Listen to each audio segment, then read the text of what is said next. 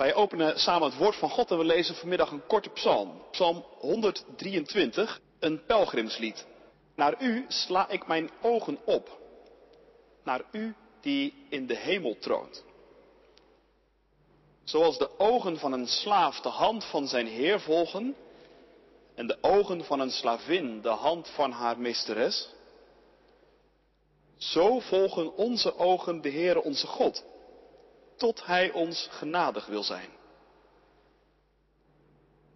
Wees genadig, Heer, wees ons genadig. Wij worden veracht, meer dan te dragen is. Meer dan onze ziel dragen kan, raakt ons de achterloze spot en de hoogmoed van onverschilligen. Gemeente van Christus, broeders en zusters, het is even wennen voor moderne oren en ogen, die wereld van Psalm 123. Dat is een wereld van slaven en slavinnen, van meesters en meesteressen. Een wereld waarin de een afhankelijk is van de ander. En die wereld, die ligt toch ver achter ons, zou je denken. Bij heel andere woorden spitsen wij onze oren. Zelfstandigheid, autonomie, onafhankelijkheid. Kleuters in groep 1 leren al om te werken met het planbord, zodat je min of meer zelfstandig leert beslissen wanneer je welk taakje zult doen. En ben je wat ouder, dan word je aangemoedigd om over allerlei zaken een onafhankelijke mening te vormen. En die ook hardop te uiten. Je moet ergens iets van vinden. Of je er ook nog wat van weet, dat lijkt minder belangrijk, maar dat even terzijde. En word je op een gegeven moment echt oud, dan is het inleveren van je rijbewijs toch wel een van de pijnlijkere dingen. Want dan is het over met zelfstandig kunnen beslissen waarheen je gaat en waar je zult staan.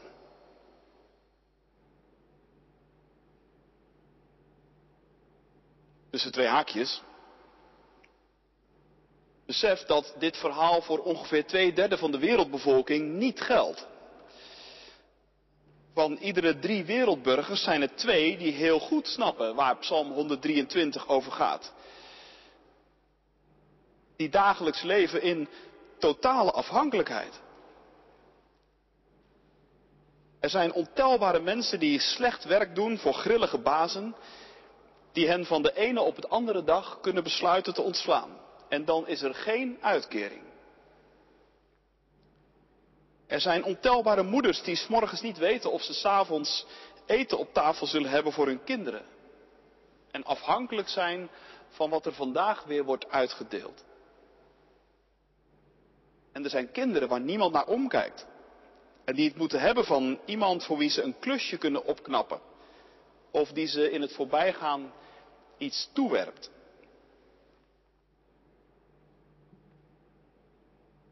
De wereld van Psalm 123, de wereld van slaven, slavinnen, meesters en meesteressen, de wereld waarin de een afhankelijk is van de ander, die wereld is er dus wel degelijk.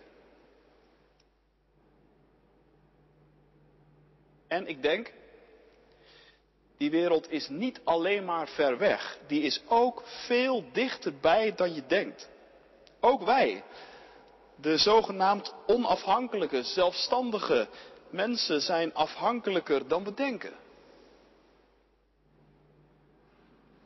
Het internet moet er maar eens een poosje uitliggen. De stroom moet maar eens een dag uitvallen. Dan moet je eens zien hoe afhankelijk wij zijn. En ga bij jezelf eens na hoe gevoelig je bent voor mode en voor trends en aan welke dingen je toch eigenlijk wel een beetje verslaafd bent. Hoe belangrijk het voor je is wat een ander van je vindt. Hoezeer je dus afhankelijk bent van iemands mening.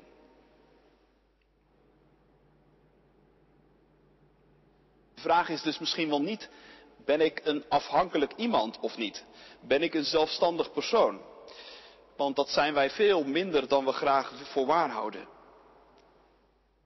afhankelijk zijn we allemaal als het erop aankomt. Er is een vraag die veel spannender is. Van wat? Van wie ben je afhankelijk? Daarover gaat uiteindelijk Psalm 123. Laten we nog weer iets meer in detail kijken wat er precies gebeurt. Want Psalm 123 schetst ons die wereld van slaven, slavinnen, meesters en meesteressen op een hele eigen manier. Er wordt in deze psalm heel nadrukkelijk ingezoomd op twee speciale details. Twee lichaamsdelen. Op het oog van de slaaf en op de hand van de Heer. Het oog van de slavin, de hand van haar meesteres. En die lichaamstaal die maakt de psalm heel direct en ook teer en intens. Want die taal die begrijpen wij ook best, denk ik. Je hebt vast wel eens in de smekende ogen van een kind gekeken. Of in de vragende blik van een zieke. Die alleen maar met zijn ogen nog kan duidelijk maken dat hij of zij water nodig heeft. Die lichaamstaal die snappen wij wel. Maar toch zijn we daarmee nog niet helemaal op de plek van de psalm. Want in de psalm zijn wij niet degene die als het ware van bovenaf in die smachtende, vragende ogen kijken. Nee, wij zijn degene die met zulke ogen kijken. Je bent in deze psalm zelf zo'n kind, als het ware. Je bent in deze psalm zelf zo'n zieke. Psalm 123 is een psalm die geschreven is op een soort van nulpunt. En deze psalm, dat weet je misschien, die hoort bij een, een groep psalmen in het psalmboek. De collectie van pelgrimsliederen. Liederen die Israël zong onderweg naar de tempel. En die liederen bij elkaar, die bezingen ook iets van een geloofsweg. En blijkbaar komen zulke nulpunten, als waar het in deze psalm over gaat, op die geloofsweg voor. Blijkbaar zijn zulke punten er, ook op de weg van het geloof achter Christus aan. En het is eigenlijk heerlijk dat, dat zulke teksten in de Bijbel staan. Dat deze psalm daar niet geheimzinnig over doet en het niet wegstopt, maar dat eerlijk op tafel legt.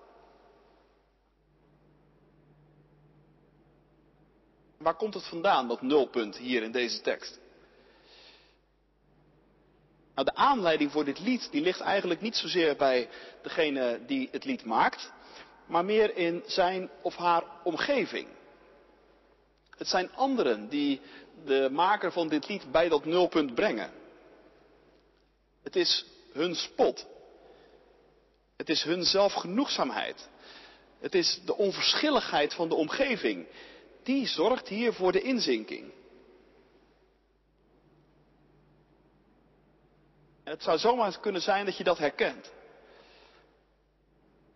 Misschien is zo'n omgeving jouw omgeving. Misschien is je werk zulk werk. Misschien is zelfs je gezin zo. Het is een omgeving waar, om zo te zeggen, de rosé altijd koud staat. En waarin het lijkt alsof mensen het leven zonder God zonder enig probleem aankunnen. Misschien dat je in een vriendenkring zit die vaak die sfeer zo'n beetje uitademt.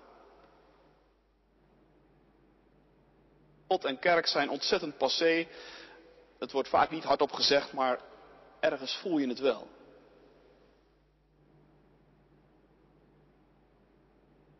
En daar kun je me toch moe en zat van worden.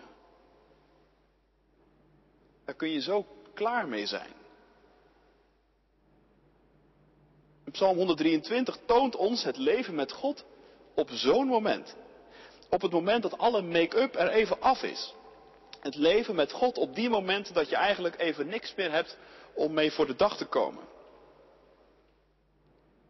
De momenten in het leven met God waarop je denkt, ik, ik zou er best tegen in willen gaan, tegen al die goedkope praat en zo, maar het is me gewoon te veel. En als ik eerlijk ben, ik heb ook nauwelijks iets om me mee te verdedigen. Alles wat ik zou willen hebben, heb ik niet. En ik kan het niet maken ook. Mijn geloof is, als het erop aankomt, klein en gebrekkig. En mijn hoop, ach joh, waar hoop ik eigenlijk op? Ik heb zo vaak aan huisje, boompje, beestje al lang genoeg. Ik hoop gewoon dat corona snel over is, dat de economie niet al te veel klappen krijgt, dat ik mijn baan houd. Dat zijn, als het erop aankomt, de dingen waar ik me het meest druk over maak. En mijn liefde. Zo vaak is mijn liefde eigenlijk niet veel meer dan opgepoetst eigenbelang.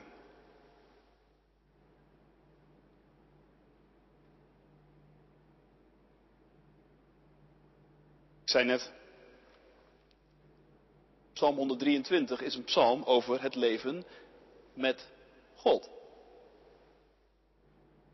En dat betekent dus, en dat moet je echt goed horen vanmiddag, dat zulke soort momenten als die ik net beschrijf, dat die ook horen bij het leven met God.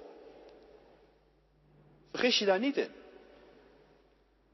Ook die nulpuntmomenten die deze psalm beschrijft, die momenten waarop je leeg en koud bent, die gaan niet buiten God om.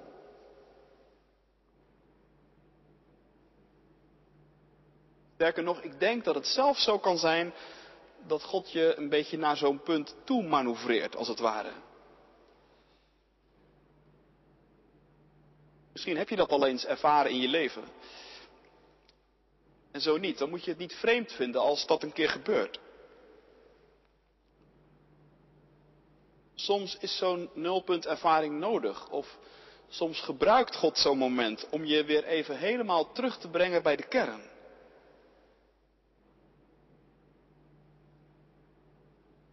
Zulke ervaringen gebruikt God om je weer omhoog te laten kijken.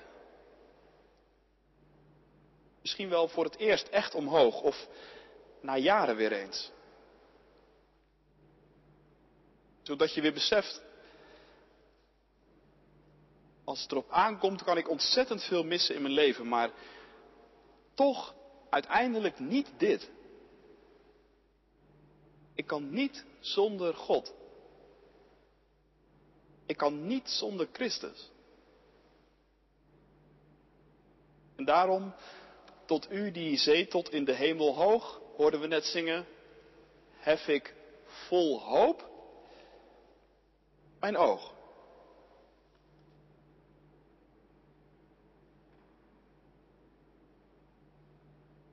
Psalm 123 gaat dus op een hele eigen manier over afhankelijkheid. En ik zei aan het begin al, de vraag is niet of je afhankelijk bent, maar de vraag is van wie. En voor de pelgrims in dit lied is het duidelijk.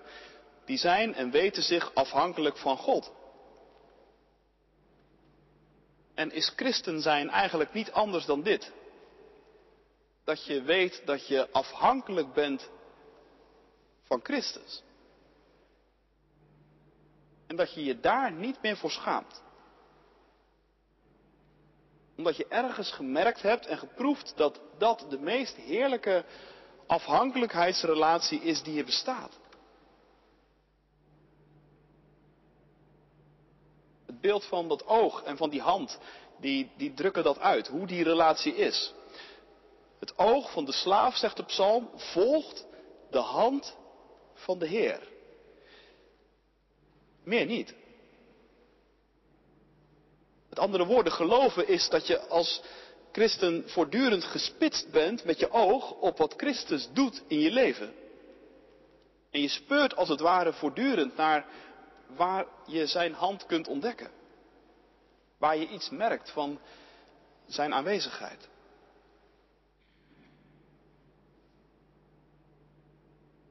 Maar wil je iets merken van de aanwezigheid van Christus in je leven, dan moet je, ja, dan moet je natuurlijk wel weten waar je moet kijken. En daarom zijn we hier.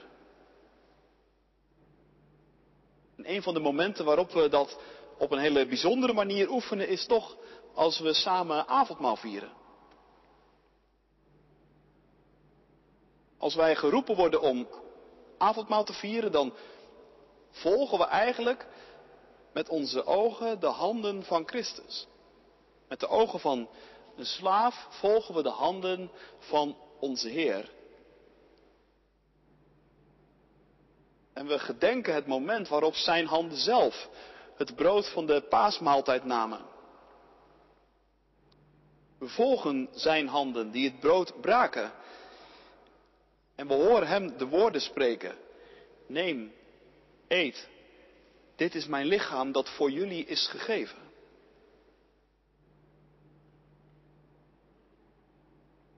En we volgen in gedachten met onze ogen zijn handen die aan het kruis gespijkerd werden. En we volgen met onze ogen zijn handen toen hij ze liet zien aan Thomas. En we horen het hem erbij zeggen. Voel maar, ik ben het echt. Ik leef. Je kunt bij mij komen. Ik heb alles van je gedragen. Je kunt de hele boel meenemen. Kom bij me. En geloof dat hier de grote ruil plaatsvindt. Waar jij niet zonder kunt. Wat je tekort komt en wat je niet hebt, dat krijg je hier. En wat je te veel hebt, waar je van af moet, dat neem ik van je over.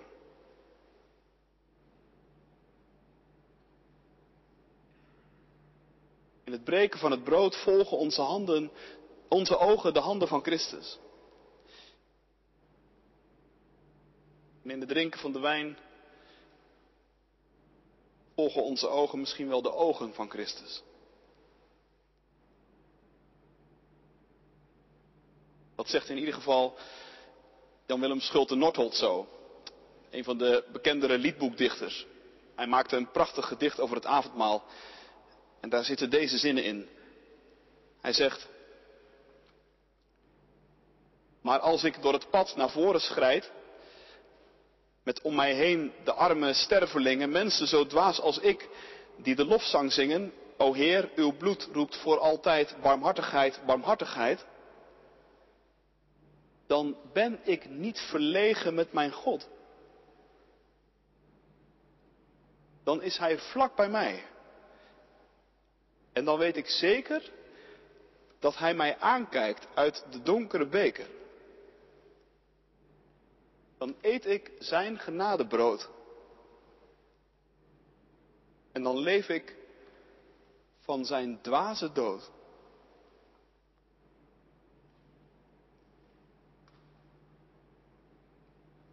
Om die afhankelijkheid te vieren staat vanmiddag hier de tafel klaar. Onze ogen wachten op u, zegt Psalm 145. Want u geeft ons voedsel op uw tijd. En wachten op God. Dat is precies ook Advent. Uitzien naar zijn komst. Komst van Hem die vandaag al tegen je zegt, Kom. Want alle dingen zijn gereed.